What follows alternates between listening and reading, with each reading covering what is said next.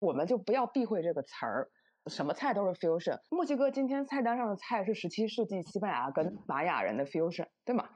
然后我们今天在纽约的街头，我们今天在温哥华的街头，那个是八九十年代中国移民和日本移民和韩国移民大家留下的 fusion，所以你们才会吃素须肉，对吧？就是 fusion，没有什么不好意思的。然后 fusion 是永恒的。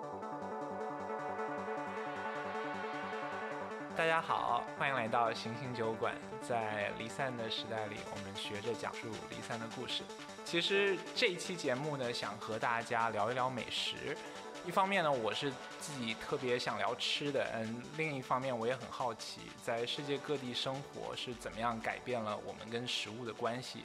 那今天组了一个特别好玩的局，两个朋友现在的生活和美食都非常非常的相关。总的来说，就是一位在异乡呃做菜的朋友和另一位在异乡品菜的朋友，大厨 vs 美食家。那大家来介绍一下自己。我先吧，我是 H，我的职业虽然跟美食有关，但好像没有一个特别固定的平台或者是特别固定的身份。我给餐厅写文案，我给品牌做策划，我给纪录片写词儿，然后我到处吃饭。我是 Iris，我做饭和喝很多酒，目前。对，今天组这局是这样的，就是当时 Tony 说，哎。有个朋友啊，经常生活在墨西哥。然后这位经常生活在墨西哥的朋友又说：“哎，我有一个朋友啊，在墨西哥餐饮这个谁谁都熟。然后因为我要去墨西哥旅游，然后就说：哎，那就认识一下。结果发现这个谁谁都熟的，居然是一个在墨西哥开了一家饺子 bistro 的云南人。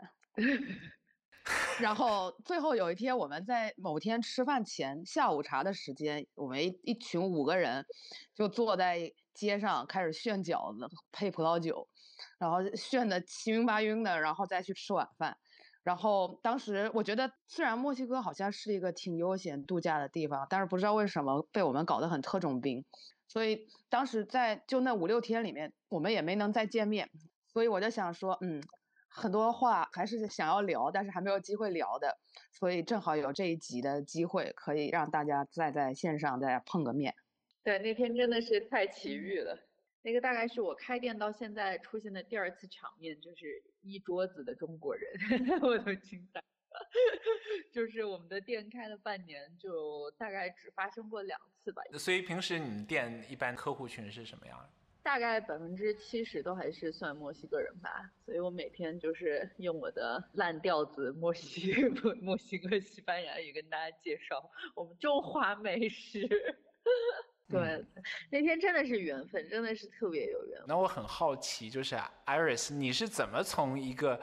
云南人在上海，然后最后跑到墨西哥城去做这样一件事情的？呃，我的故事也有点 cliche 吧，就比较 eat pray love 的那种。但是我觉得，就是做饭和做吃的这件事情，可能就是我现在到三十岁。发现的一个自我表达的途径吧，就是说，那我之前在上海其实也是做一种办公室工作嘛。以前我是做 fashion 的，我在一个 luxury 品牌做 retail，后来 retail 和 buyer，后来我到一个运动品牌和 wellness 品牌做那个 marketing 和 partnership。但是我自己也是一个 coach，所以我一开始从教大家健身，就是从一个就相当于 part time hustle 这样，我在上班。其他时间教大家健身，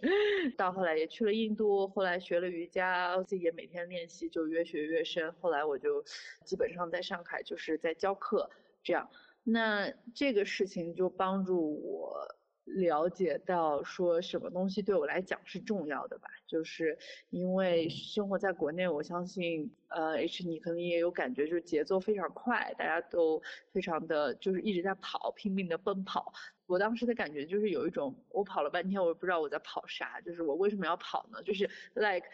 从从一开始来讲，就是为什么你要跑呢？这个想法让我觉得说，对啊，就是我不知道，因为在上海的时候就很快，你的节奏每天，你的律师程表每天都是满满当当，就有一万件事情要做，然后你也很怕，就是有种 formal，就是我如果不跑的话，我就会我就会落下。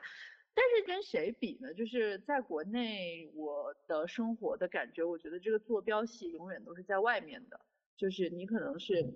在看大家在干嘛，或者这个社会要求你干嘛，然后你可能我当时的状态是我没有自己的一个就是方向盘这样，所以我就有一天我就想了，我说那我为什么要跑呢？就是一开始这个原因我是不清楚的。后来我想给自己一点空间吧，我就离开上海，也不知道要往哪儿走的时候，但是就是也有一定积蓄啊，然后就觉得突然就觉得现在我不做这件事情的话，就什么时候要做呢？那时候我可能二十，我二十七岁，我就觉得那我在上海的生活其实挺舒服的，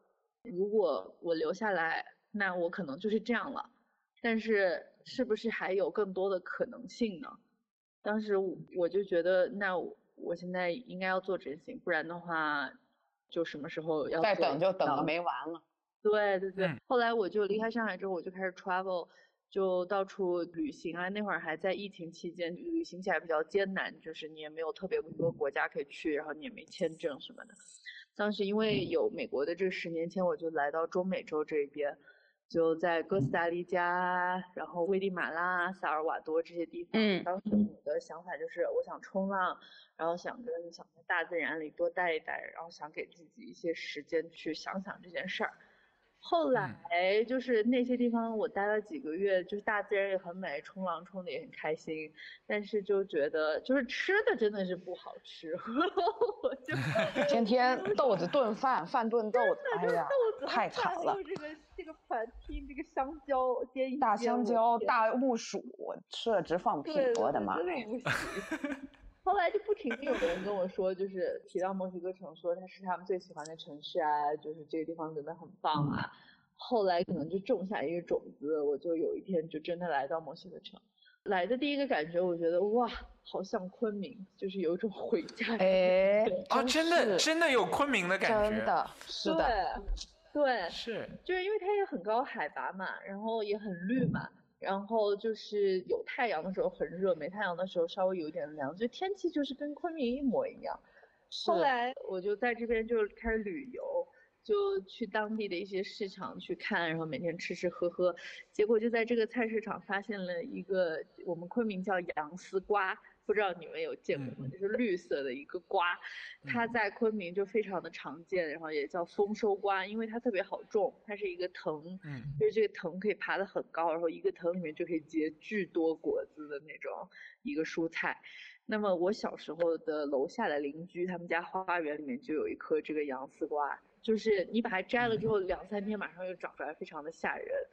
然后我们在家就非常常吃这个瓜，就是把它简单的煮一煮汤，或者加点干辣椒炒一下，就这样。然后我就在墨西哥城看到了这个瓜，我当时我就整个人都惊呆了，我觉得宇宙给我发射了一些信号。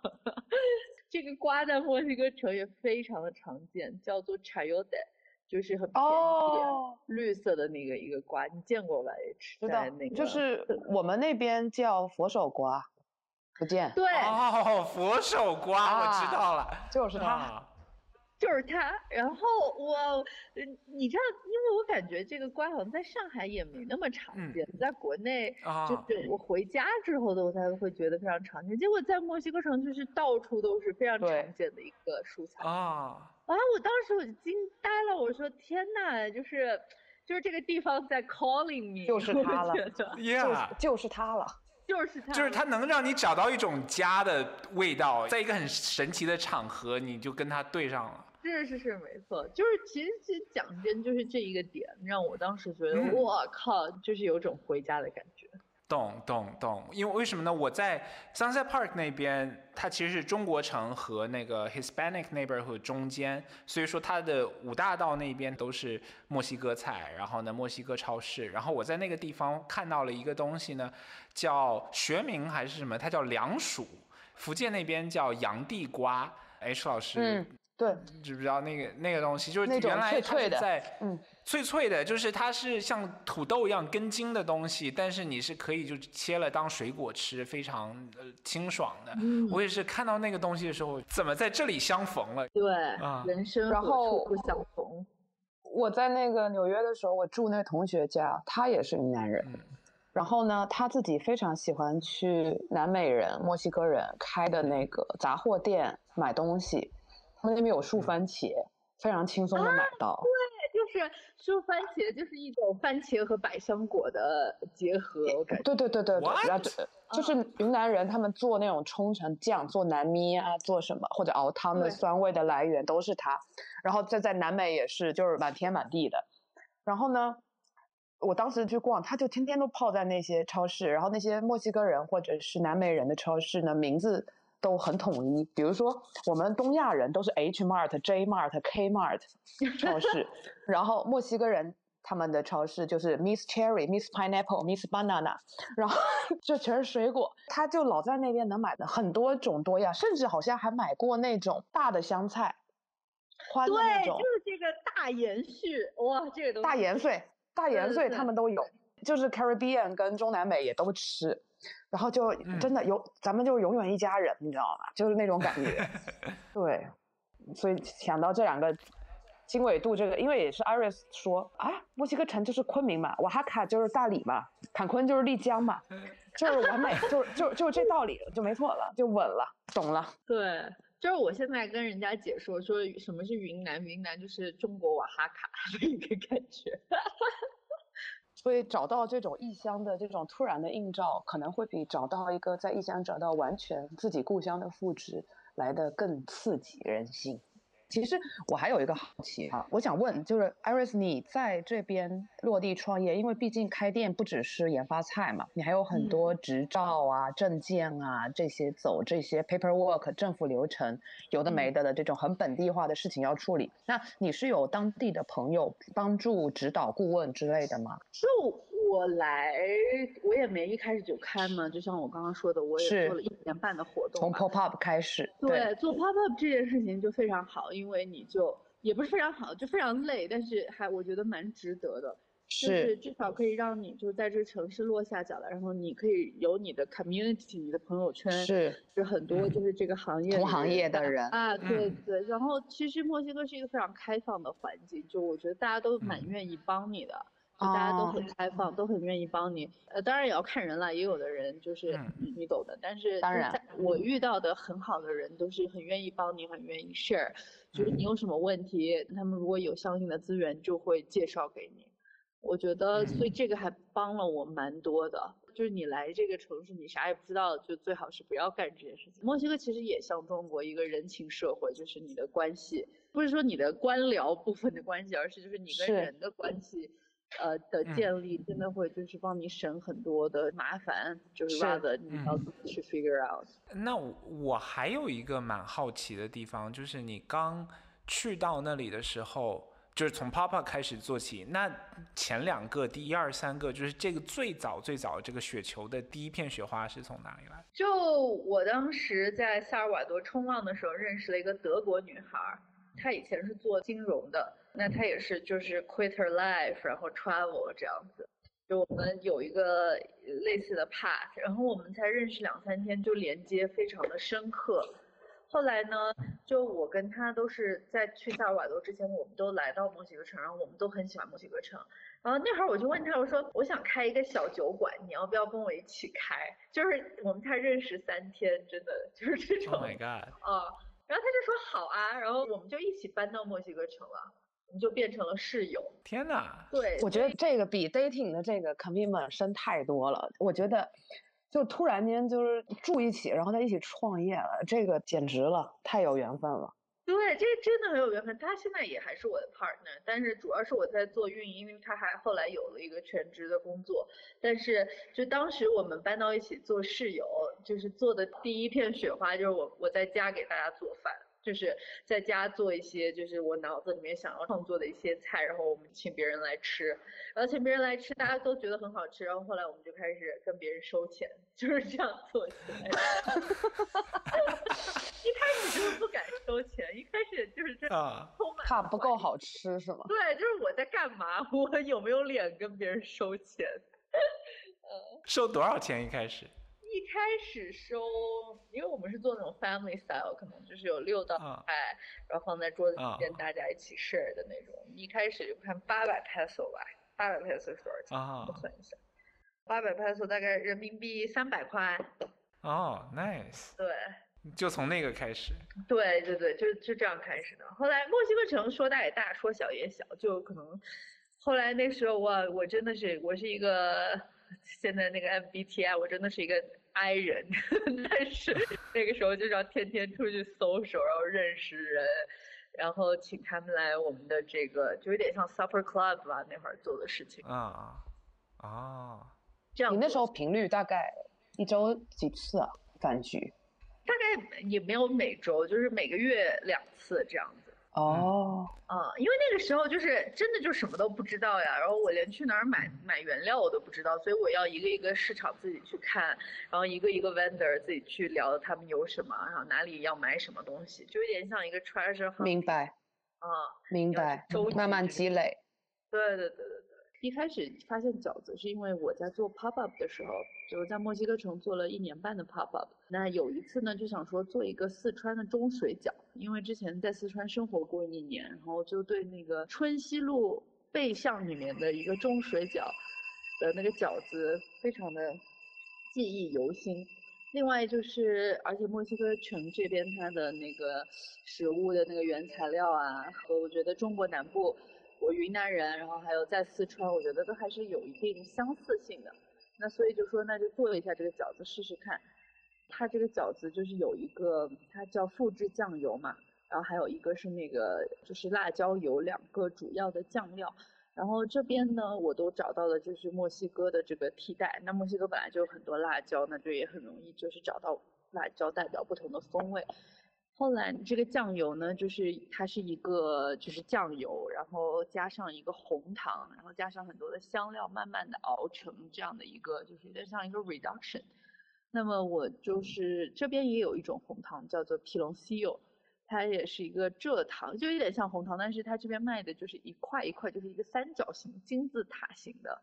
这样一个红糖，然后就用这种红糖去做的这个复制酱油，结果这个酱做出来还蛮好吃的。然后这个中水饺，自从那一次 pop up 之后，就是所有人都疯了，就说没有吃过这样的东西，然后大家又觉得非常的好吃，就每一次做一半都还挺成功的吧。这也算是一个契机，说是呃发现了，好像是这一个菜可以作为一个切入点。我有一个问题啊，就是因为对于我们这波人来说，就是我们当时几个去吃你店的人，就是我们可能习惯于一些奇形怪状的菜，因为讲真，虽然是有中水饺，有自己制作的红油，有担担面这些大家熟悉的味型，但是你的呈现和有一些搭配，比如说那个芒果和花生酱配合的饺子。嗯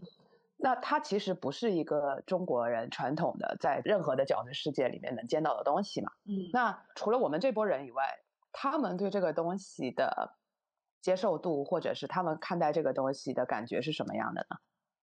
其实，因为从我本人想做的东西出发，我也不是想做就是正儿八经的中餐吧，就是我不是一个中餐馆，所以就是如果跟一些比较对中餐有个比较传统概念的中国人来解释这件事情，其实也蛮难解释的，因为它并不是中餐。可能比跟墨西哥人解释还难。对对对，对墨西哥人就反正他也不知道，你就炫就完事儿了啥。哎，对，但是对中国人解释起来，我觉得也稍微有一点难度。就比如说这次我回国，我都得跟大家解释我在干嘛。那这个事情就是，我觉得这样说吧，做的菜对我的理解来讲是，你可以想象中国南方嘛，因为我南方人嘛，就是中国南方的味道，它可能被扎根在墨西哥。我觉得可能这样理解会比较好一点。然后我会讲说，就是 Southern Chinese flavor roots in Mexico，那就是说这些味道是我从小长大的味道，或者是是我熟悉的味道，但是它是通过一个墨西哥当地的一个原料来呈现的。所以你要说它有多 authentic，我觉得它也不 authentic，因为它肯定在跟你在中国吃到的中餐是不一样的，它也跟在美国的中餐是不一样的。它是一个因地制宜的一个中餐吧，就是说。那我在这里在墨西哥生活，被这边的 cuisine 影响，或者发现了这边的一种什么当地的原料，然后它给我什么样的新的灵感，然后这些我可以和我脑子里面的这个关于味道的记忆串起来，然后呈现出一个新的菜来，所以它非常的 personal。就是说嗯它是嗯我眼睛里面看到的这些和我嘴巴里面尝到的这些和我的一个嗯发现吧。嗯我觉得是这样来理解。他像其他你刚刚说到其他的中国人，他们那天来，因为我从国内回来之后，我做了一个 tasting dinner，就是六道菜的一个品尝菜单，就是一些新的灵感呀，然后从云南回来啊，然后在国内待了一待，这个新的一些想法，我就做了这样的一个品尝的晚餐，然后两个小伙伴他们就来，吃完他就说好吃，好现代，就没了。好现代。我觉得很现代这个词还蛮有意思。是是，你有什么那种灵感呢？就是灵机一动，哎，你这个材料你加到那儿去，这不一样。你的创新的一些，就我还蛮好奇。我们店里有三个饺子，一个叫山东，一个叫四川，一个叫云南。那云南的这个饺子，其实它跟云南没有什么关系吧，就是饺子本身跟云南没关系，因为我们云南也不怎么吃饺子，我们吃馄饨吃的比较多。但是这个饺子叫云南，是因为就是它有一个酱是一个花生 base 的一个 satay 的酱，这个灵感是来源于，因为云南离东南亚很近嘛，我们小时候就常常去就往边界那边跑，就是你到河内啊，就离越南很近，然后你可能飞两个小时你就到泰国了，所以就是在云南的话，东南亚的这个食物的影响是很深的。那你在东南亚，你就很容易看到，比如说咖喱啊，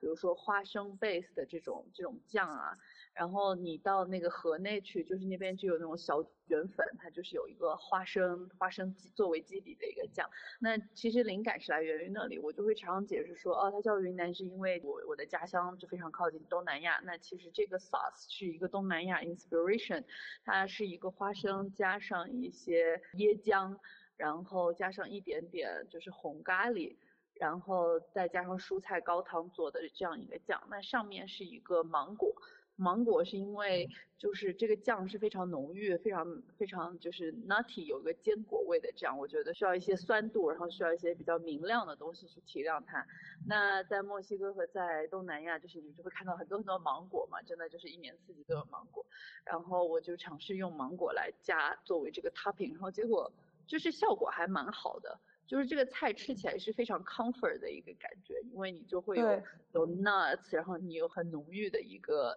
酱汁，但是你也有一个非常明亮的一个酸度和水果味在上面，就是大家都还蛮喜欢这道菜。但是你说这个菜跟云南有啥关系呢？它也没有，所以就是这样是一个就是我怎么发现这个菜的灵感的来源。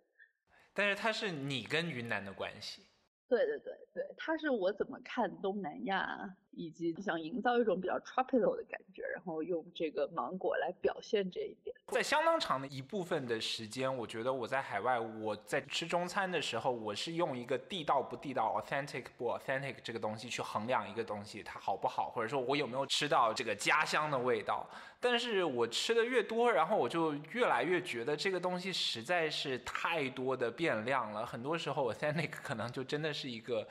构建，我我不知道 H 老师就是全世界都吃遍了，你是怎么看这个的？因为这一趟特别好玩，因为我这一趟出来一个月只去四个城市嘛，纽约、嗯。墨西哥城、洛杉矶和温哥华，都是大量移民的大城市。嗯。然后说到 authentic，因为曾经在前几年，如果你要提 fusion 这个词，你就觉得哎呦老土了，然后一听就感觉，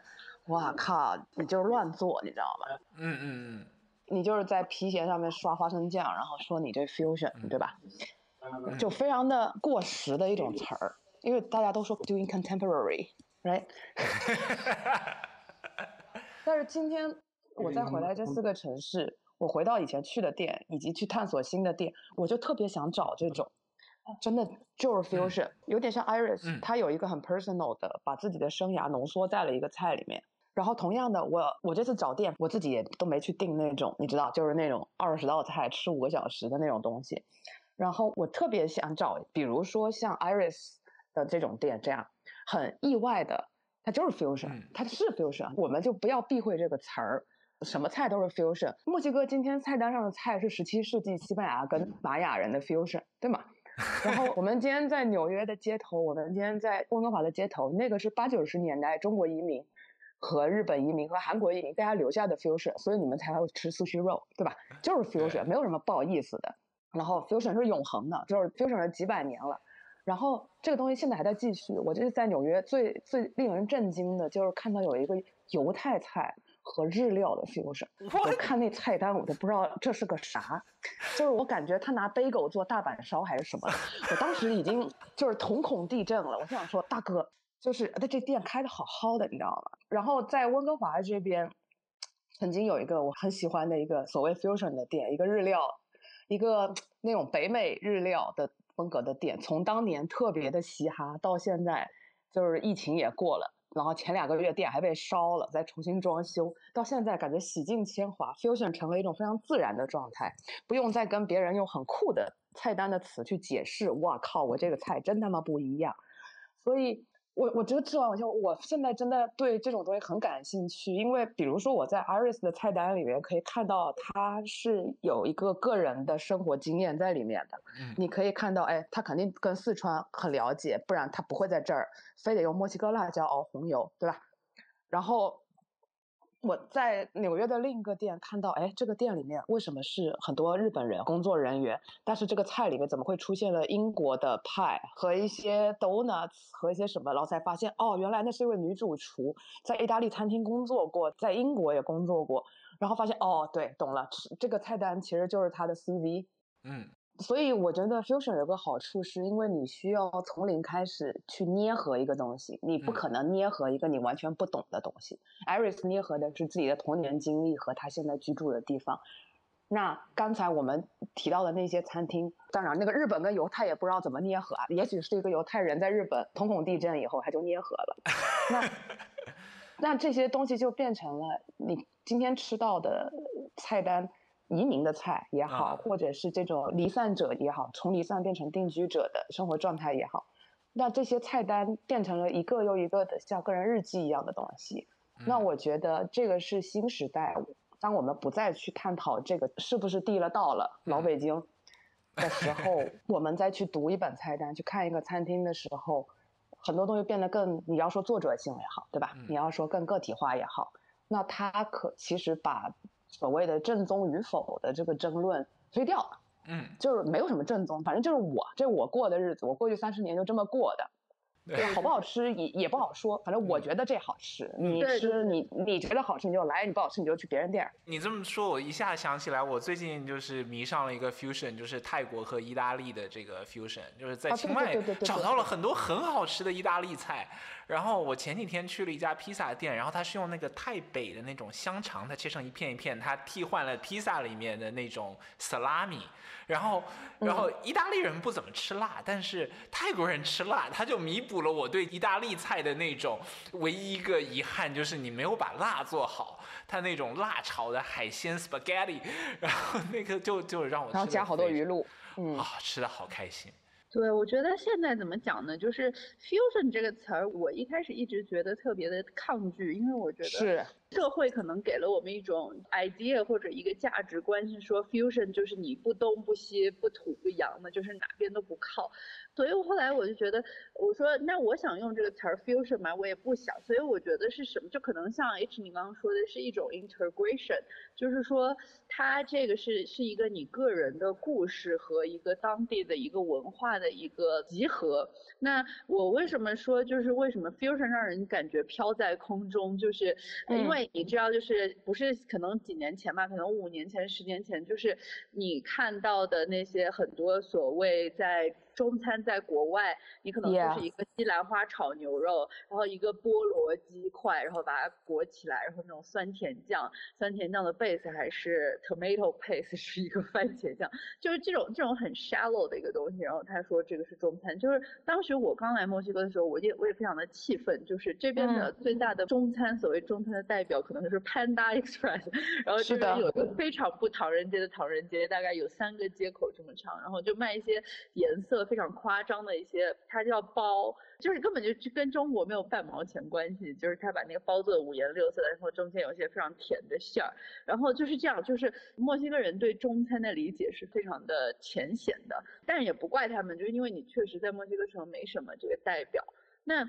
我刚来的时候我就想说，我说啊，你管这个叫中餐，那我就觉得非常 offended 了，然后我就很气愤，然后我就想说。我觉得中餐这个概念很大吧，但至少就是我作为一个中国人，我长大的味觉的记忆不应该只是通过这种东西来呈现。那所以这个也是我开始在这边做菜的一个初衷。那和后来做着做着，我觉得就像你说的，就是你可能在世界各地吃了很多这个餐厅，经历过很多主厨之后，那么就像是一个个人的日记一样。那后来这个东西才帮助我。更好的发现就是我是谁，然后以及我想做什么，以及这个故事我想怎么讲。那其实也是对一个个人经历和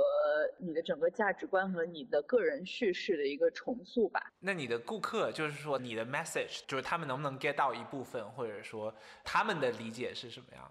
我其实觉得就是对我的顾客来说，我每个菜我给他两到三个 point。就是我可以解释它，那就可以了。就是你让人家吃一个菜就了解你的人生故事，也不太可能。就是，然后尤其是尤其是基于在墨西哥这种市场，就是大家对中餐就是完全不怎么了解的。嗯。那对对于这个我就会说东南亚的风味，因为它有坚果，然后有红咖喱，然后再加上一些墨西哥芒果。那比如说四川，我就会说，因为四川是一个就是比较辣的一个比较爱吃辣的一个省份，然后它的呃风味非常的丰富，那么就是这个复制的酱油和一个红辣椒。那比如说山东，那其实山东是一个素馅儿的饺子，然后它只是有一个 dipping sauce 是一个黑醋 base 的，那我就会说啊，那在中国的北方，其实大家吃饺子都是习惯去蘸一个醋。就这样就完了嘛，就是南北的差异还蛮大，然后但是在南方可能就是吃小吃，就像四川这样三到五片，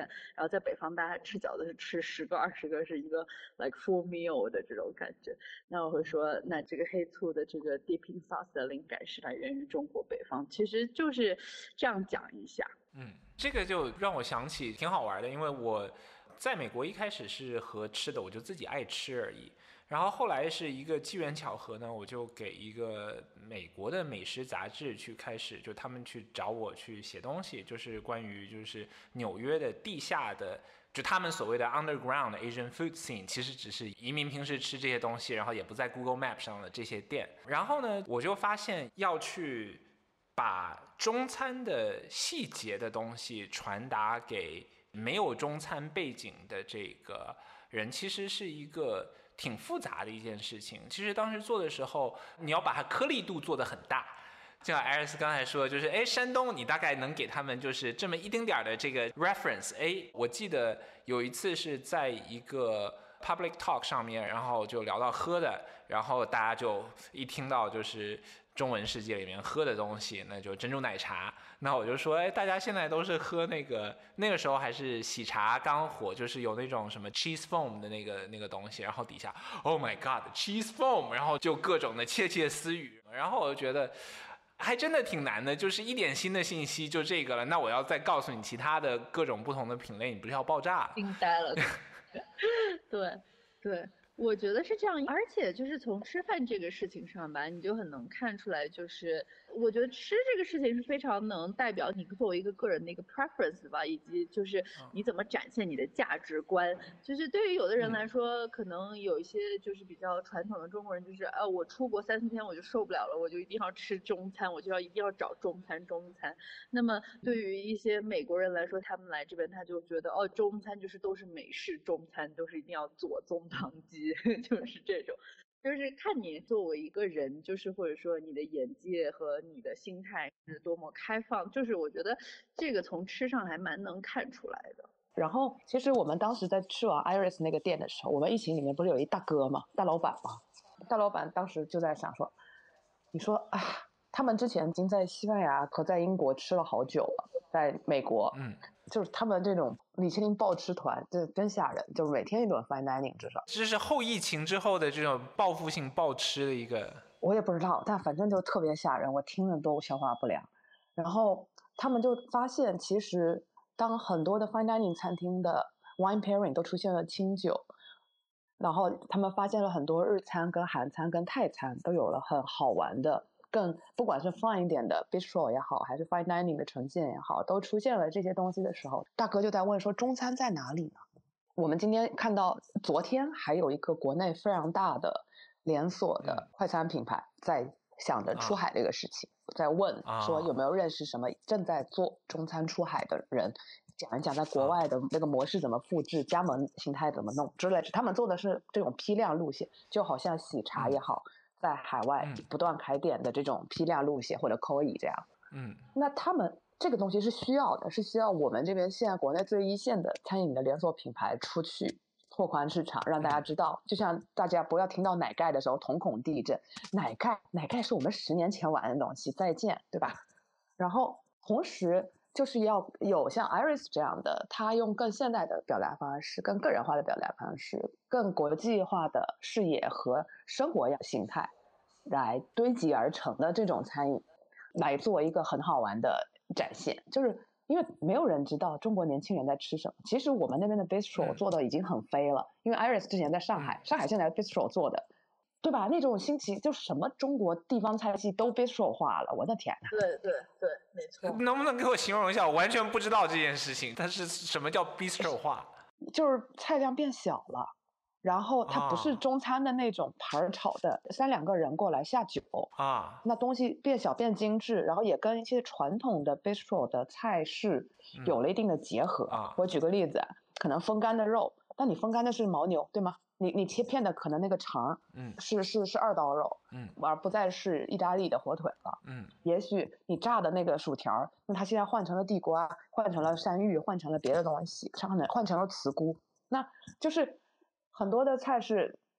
和很多的地方的食材，就重新被在 bistro 这个小所谓的小份下酒菜的载体里面再重新被演绎了。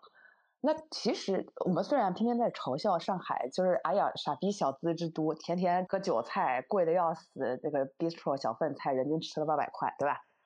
但是实际上它一直在一个一个一种内循环的方式在自己那边瞎捣鼓。但是讲真，我们这种颗粒都都已经磨成这个样子了，随便拿两粒出去，对吧？其实是一个特别有趣的，可以很适合拿来跟大家进行交流的，因为反正你们都啥都没吃过，嗯，对啊，出来给你看看，怪有意思的。其实，对，就是回到国内看了一圈，就觉得我靠，上海真的是所谓的小酒馆，真的是卷到不行。我是大概三年前离开上海的。我觉得可能是五。年前吧，小酒馆这个概念可能在国内开始，就五六年前上海刚开始有第一批开始做自然酒馆的这样的一个概念，到现在就是已经你每走两个路口吧，就有一家小酒馆，然后大家的装修都差不多都是那种工业风，一定要把墙留着水泥和砖头，然后一定要是这个金属的这种，在上海现在就是就是非常的如火如荼，但是。呃，国内我觉得有一个问题，就是说，现大家就一火，就所有人都去做那个东西了，并不代表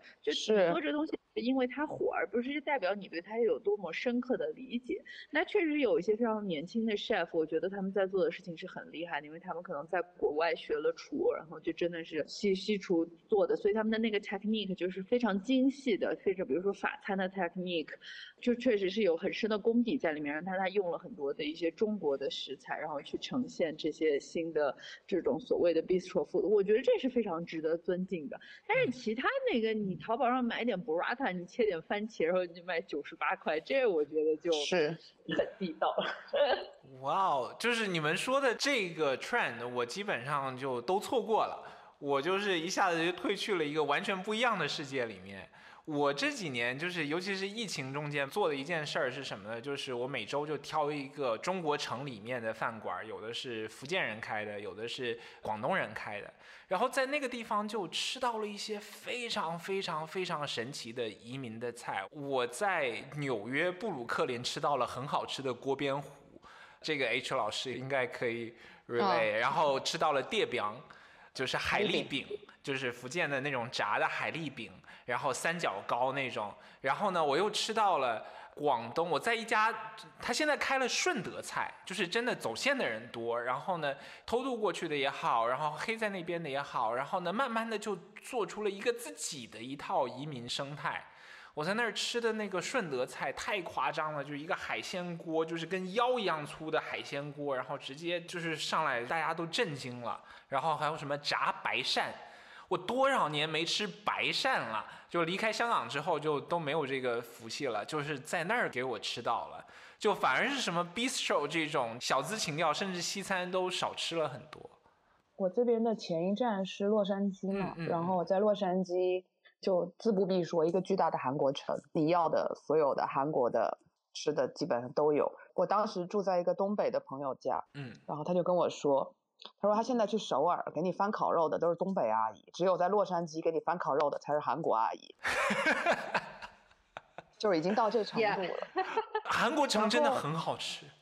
就是太方便了，然后东西想要啥都有，还有很多开到半夜的店。是，然后在韩国城之外，现在已经有至少应该有四五家做韩国摩登的，就像上海一样做那种 bistro 也好，做更 fine 的东西也好，做更新派的料理的东西也好。所以我在想，你看他怎么在那边扎根了这么多年了，也就是在这近十年不到的时间里面，才刚有这个东西出来。嗯。在你做了四十年的血浓汤，做了四十年的辣炒年糕，四十年的那些海鲜煎饼之后，你现在才刚开始这十年做了这个更新派的东西。然后，对，所以我在想，其实中餐出来也这么多年了，那我们什么时候出来这种更新潮的、很好玩的东西？可能台湾这个包是一个很好的例子，它是一个很小的品类，在伦敦。突然间，当然它后面有一个很好的集团的支持，在突然间在 branding 领域和在味道领域、在创意领域都做到了非常好的程度，甚至现在他们开回台湾做 pop up 到台湾挤爆。这是一个什么店？挂包啊，挂吃那挂包啊。哦。啊，就是那个像荷叶饼那种。哦哦哦，懂了懂了懂了。啊，对，就是他们在伦敦可能已经红了快红了至少十年。哇。差不多。所以他们今年刚刚回台湾 pop up。然后我就觉得天呐，就是这叫啥？这个曲线救国还是西学中用？然后我在想，就是我就很期待看到有这样的一个中餐可以出来。比如说艾瑞现在做的事情就是这样，只是说墨西哥城跟其他的，你说在跟洛杉矶、跟温哥华相比，它的中餐土壤肯定没那么厚，对吧？嗯嗯。所以其实如果 Iris 这个菜放在中国移民更多的城市可能会是又有一个不一样的样貌，可能市场对它的反应又是很完全不一样的状态。对我其实觉得就是每一个东西有它的 context 吧，特别是关于吃的这件事情，因为其实现在在墨西哥城，它也新开了一家店，我不知道你们去了没，叫 Canto Mexicali。啊，我有存这个店，应该是墨西哥人开的吧。对，是墨西哥人开的。然后它的 cuisine 是就是 Mexicali，就是在北部的墨西哥，它有个地方就叫做 Mexicali。然后它有很多的中国移民，但那个地方的生存条件其实是很艰苦的，因为夏天很热，就它是一个沙漠一样的气候，它在到美国的边境。然后所以就是很多中国移民或者劳工，他就会到那边，就是他想要到美国去，但是他可能没去成或者种种原因，他就会留在这个 Mexicali。就是那边我没去过，但是我一。一直非常想去，但是它就是很很苦，因为夏天可能是四十度以上吧。就是他们建造了一个地下城，就是这些人他只能生活在地下，但他们那边就是很多人生活啊或者餐厅就是都是在地下的。那么这个地方的苦心，他们就是做这个地方的苦心，然后开到了墨西哥城，叫做 Canton Mexicali，就是有点广东菜，然后又有点美式中餐的这样一个概念，有点像吃法那种感觉。哎，没错没错。那这个东西的 context。就是那有人就会问我，那你对那个东西怎么看？我说我说它是好吃的，因为它它就是做，比如说它做很好吃的这个左宗棠鸡，嗯，然后比如说它做一个很好吃的拍黄瓜，嗯，这种东西。那比如说，他还有一个是，他也做面，但是是就是比较我们在美国可能看到比较多的中餐的那种面，然后他也有这个炒牛肉片，这样他就是可能做的比较好一点的，比较 fine，颗粒度比较细，我我好喜欢这个说法的 一个 nice 就可能是这种概念。那那这种这个餐厅，它是两个墨西哥人开的，据说他们就是试菜试这个菜单就试了三年，嗯，就是 what？对他们说拿到那个位置到真的开出来，可能就是花了两三年的时间。然后这个 chef 也是一个墨西哥人。那我觉得就是从整个 context 上来讲，他想说的东西和我想说的东西肯定是不一样的。嗯，虽然我们都在讲着这个大的这个 concept 是中餐意识，那么就是但但是是完全不一样的一个故事的讲法啊。对，是的。我在做这个节目之前，我在想的是，就是。我和食物的关系，可能我想这件事情，我可能会去想想这个会比想我和我家什么关系，我和故土什么关系要多得多得多。但是你这么一说，我觉得我和食材这件事情的关系，可能是甚至更亲密的，就是食材这个东西，它决定了很多的东西。那像 Iris，你在墨西哥城这个地方，你见到这么多熟悉的食材，但是它也有很多不熟悉的食材，你是怎么样把它们搞到一起去的？这个其实因为我的个人爱好就是逛菜市场，就是我非常喜欢逛菜场，因为这个地方就是在市场，你就觉得什么东西都很鲜活吧。有一个 bad day 或者什么，你带你去市场看看，就很多颜色，很多的气味，然后大家都熙熙攘攘的，就是很很努力在生活的样子。我非常喜欢逛菜市场，就到哪里我都会去逛市场。那其实在这边你就就通过逛菜菜市场啊，你可能去有一些熟食的摊主啊，慢慢慢慢他们就会教你很多，就是这个东西它怎么做，然后这个东西尝起来是什么样的，他就会有种奇奇怪怪的东西就会给你尝。那么你尝一尝之后，我通常就是。我会找一个，就是我可能我记忆里会有一个这个东西的参照物，比如说，诶，是你说像这个树番茄，那它可能就是百香果或者番茄，就是这个酸度。那比如说有一种我没有怎么尝过见过的食物，我可能会给它找，在我脑海里找一个味觉的坐标，然后去大概把它放在。然后在这边的话，因为现在在做这个，然后也做很多 event 嘛，所以就也认识了很多的 chef 啊，就是食材供应商啊，还有一些专门搞吃喝的这一些的人。那其实每次跟他们见面，或者就是去大家的 project 里面去，大家的餐厅里面去吃吃喝喝，或者谁做 event 去看一下。就还会学到蛮多的，就是你会看到，就是不同的人处理这个东西，那它的后面的逻辑是什么？还有现在我的店里，我的 team 就是都是三个女生，她们都是墨西哥人嘛。那有一个年纪稍大一点的阿姨吧，算是，她以前就是做一个 carnita，就是墨西哥这边有一种就是猪的各个部分，就是猪杂碎。他把就是他有肉，然后也有大肠、小肠、内脏，就是各个部分的猪的这个部分，然后他把它放在油里，这样慢慢慢慢的去，也不是炸它，就怎么讲呢？这种有点像卤的，对，那东西特别像卤水，一缸黑乎乎，然后里面心肝脾肺都搁里边。对，对，它它不是用酱油搞黑的卤水，但但也有很多十三香啥东西就往里搁，桂皮什么的一样往里搁。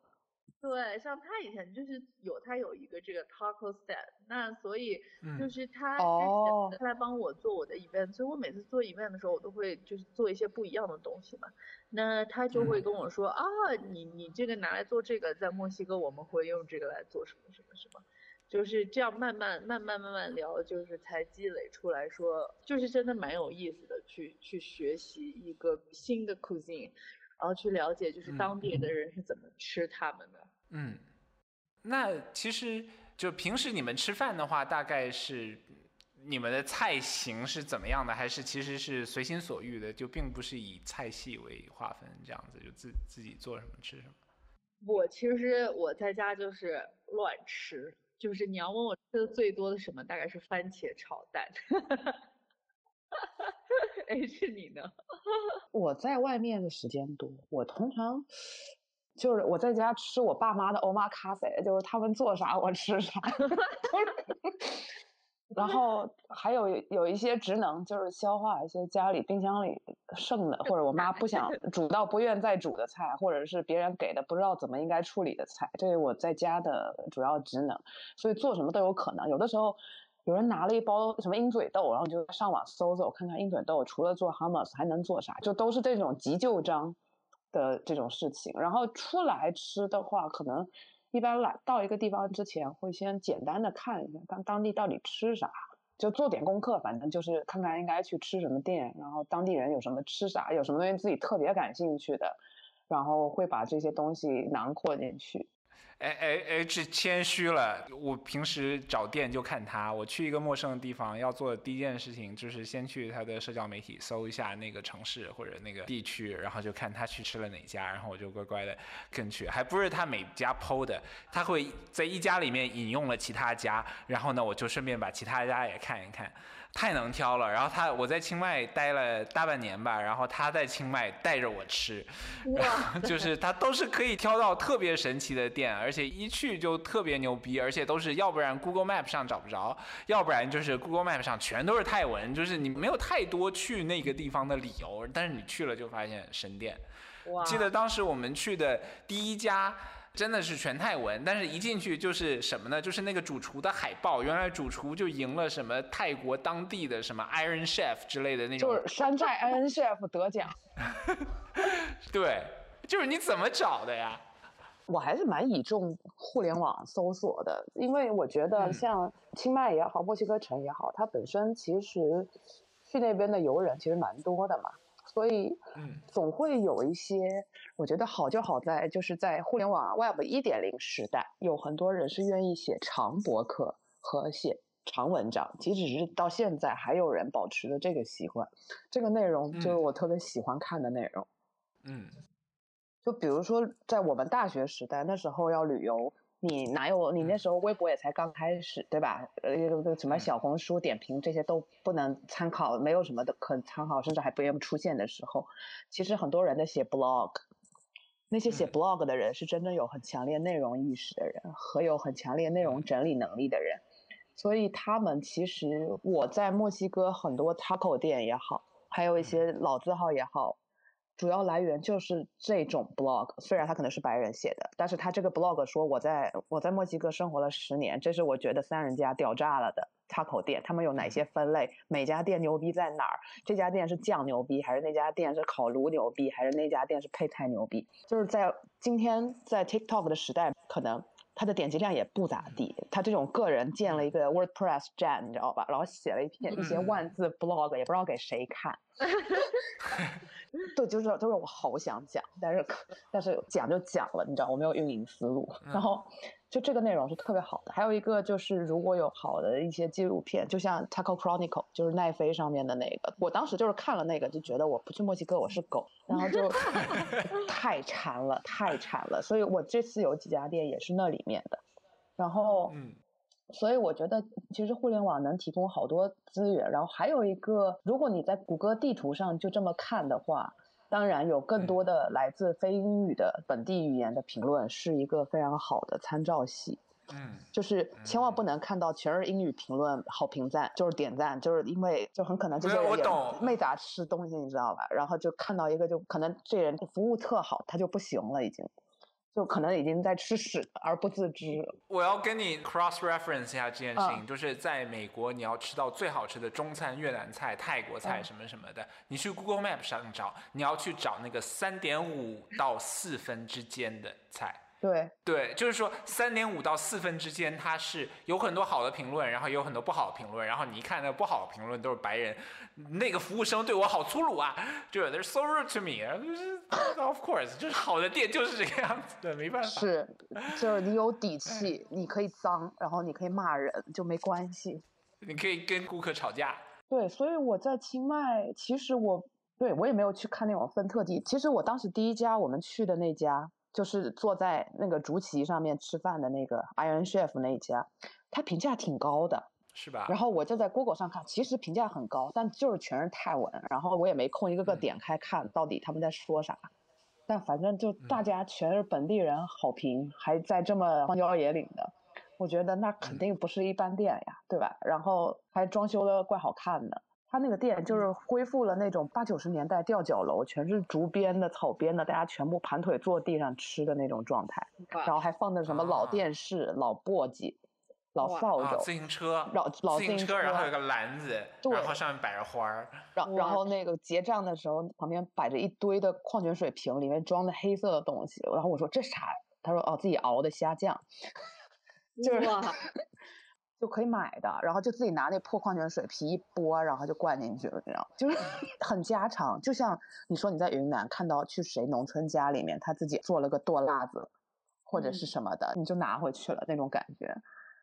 所以我觉得可能就是有一些元素就会让你马上总结，就根据经验判断，哎，这个店肯定可以。比如说三点五的泰国菜，比如说全是本地人评价的墨西哥菜。或者是这种，你在选一个更 fine dining 的餐厅的时候，你会选一些语气风格上跟你更契合，而不是看谁白桌布僵的更硬，对吧？嗯嗯嗯嗯，没错，对，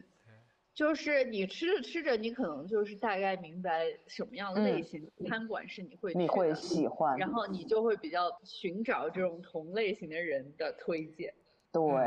就社交网络上，它虽然已经有很多 tag，或者是有很多个体，但是。我还是相信，直接打开搜索引擎搜这个地方有什么好吃的，可能会发现这种非常的，我们今天来说像原始人一样做记录的现代人了。对我刚才我有一个问题，我想问 Iris，就是在海外吃饭和在海外开饭馆，这可能是两个完全不同的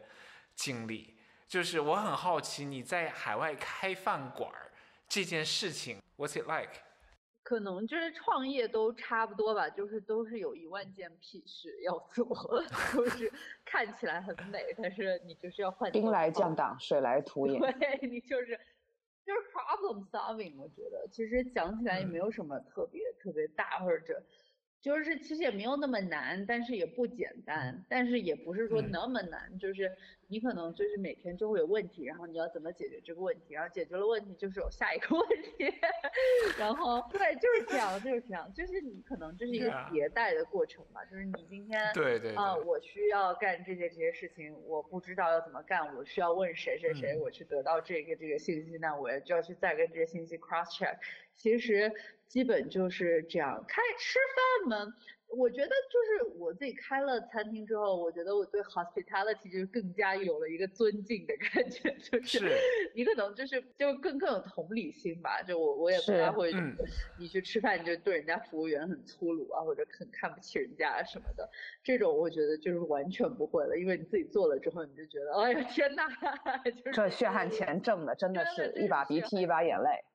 对，在国内开店，我周围非常多的创业者，他们面临的很多是，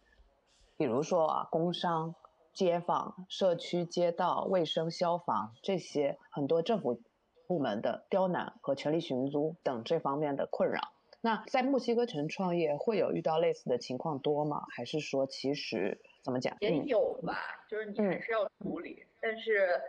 我觉得这边的人至少他不会说故意要刁难你，就是明白。他可能是会觉得说，哦，政府部门的人来了是因为有邻居要投诉，那那他所以要来，他不是说就是我一定要给你脸色看或者我来收保护费了，所以我来搞你一下。做人，对对对对对，就是明白。啊，然后那你事出必有因。对对对对对。然后墨西哥这边就是因为我们在的这个街区，你也看到，就是非常 neighborhood 这种，对，很当地的一种街区。那其实这个房东怎么样？房东跟这个政府的关系怎么？因为我们房东是那个一条街都是他的，就相当于是，就这个楼和这个铺子都是他的。那也不只是我们一个 business，那他自己的东西都在那边 run 了二十几年了，我觉得 就是人家也没有什么必要一定要来硬找你麻烦。明白，已经形成了一个比较好的共识的状态。你做你的生意，你照顾好你的街道。对对对对，就是因为可能我也没有在那种特别中心的地方开嘛。我觉得如果你在那个特别中心的地方开，可能也不太一样，可能就是要花很多钱啊去处理这些东西。我们这个街区我觉得还好，就是大家就是街坊邻居尊重、互相照顾这样子。开店就是会觉得是你把所有点都连起来了，这样，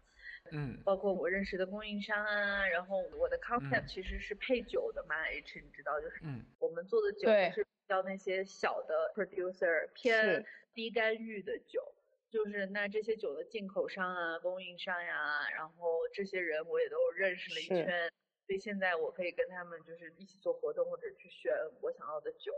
然后这些菜的供应商，每一个地方的供应商，然后活动里面认识的一些人，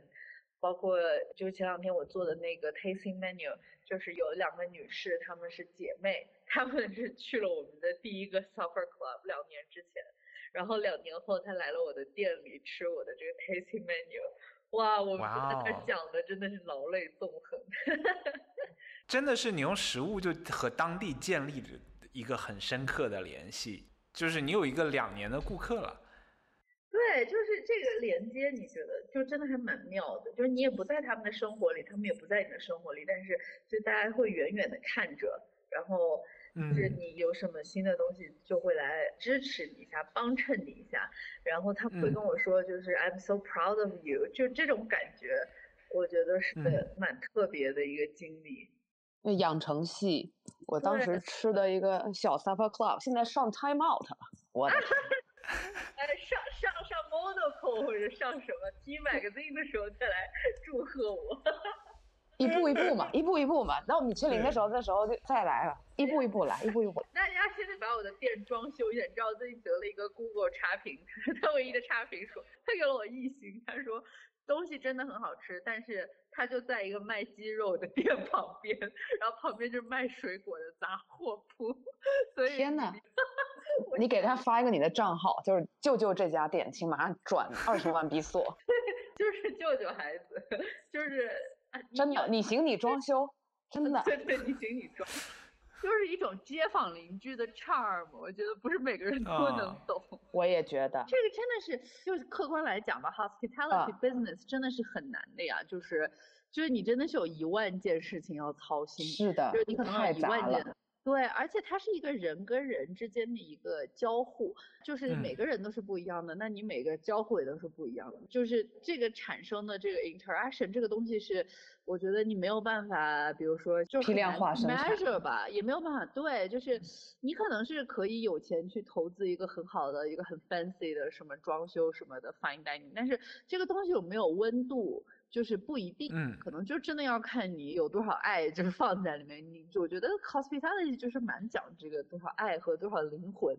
这个东西你是要放在你的整个概念里面的。所以，所以这个蛮有意思，因为就像我们未来就是 AI 啊，怎么 digital 啊，但是我觉得 hospitality 这个东西好像是没有办法被取代的，就是一个很本能的一个人的连接的需要。嗯，对。所以到现在炒菜机器人也铺不开嘛？对呀，就是这个当然是 precision，就是多精确是一回事儿，但是另外一回事儿是就围绕着食物的这个你的整个经历和体验，以及你能感受到的做菜的这个人的意图，然后做这个店的这个人的意图和真的就是服务你的就站在你面前的这个人的意图，我觉得这个东西是还蛮妙的一个连接的点。特别有意思的就是，艾瑞斯等于说，在一个陌生的环境里面，你就创造了自己的一个小的 bubble，就这个小的泡泡里面就是你自己的一个世界，我觉得特别好，就是从吃的到空间到 everything is your shop。对，就是谢谢谢谢谢谢这样讲，就确实是蛮好玩的。我现在就是在把它当成一个游戏在玩，就是我怎么能玩的更好一点，我怎么对我的员工更好一点，然后我怎么创造一个更好的这个氛围，我怎么关心每个人像关心就是真正的人一样的，你怎么看到这些人？所以到最后，其实 food 也是一种 meditation，对吧？我觉得是因为。人的本质是你的感受嘛，对不对？我觉得现在，哎，也不是说玄学吧，但是说到最后，就是你的身体如何和你的感受去连接，你才能是更好的去和这个世界连接。那食物和就是食物有关的这个体验，我觉得是最能刺激你的一个感官的东西吧。对，你的味觉、嗅觉、你的眼睛，你听到的东西和你周围的一个，你跟周围环境的一个连接，所以。就是为什么就食物对于我来讲很重要，是因为就是它它是我跟这个世界可以连接和对话的一个一个媒介。嗯，我觉得就是 on that note，就是也是因为就是 Iris 开了这家店，H 老师去那里吃了这家店，然后我又从这边听到了这这样的一个相会，然后就造成了这个对话。对，就是这人传人，人传人。对。那 on that note，那我们今天就聊到这里，就感谢大家的参与，然后辛苦了，我得赶紧去吃点东西，太好吃了，刚才聊的。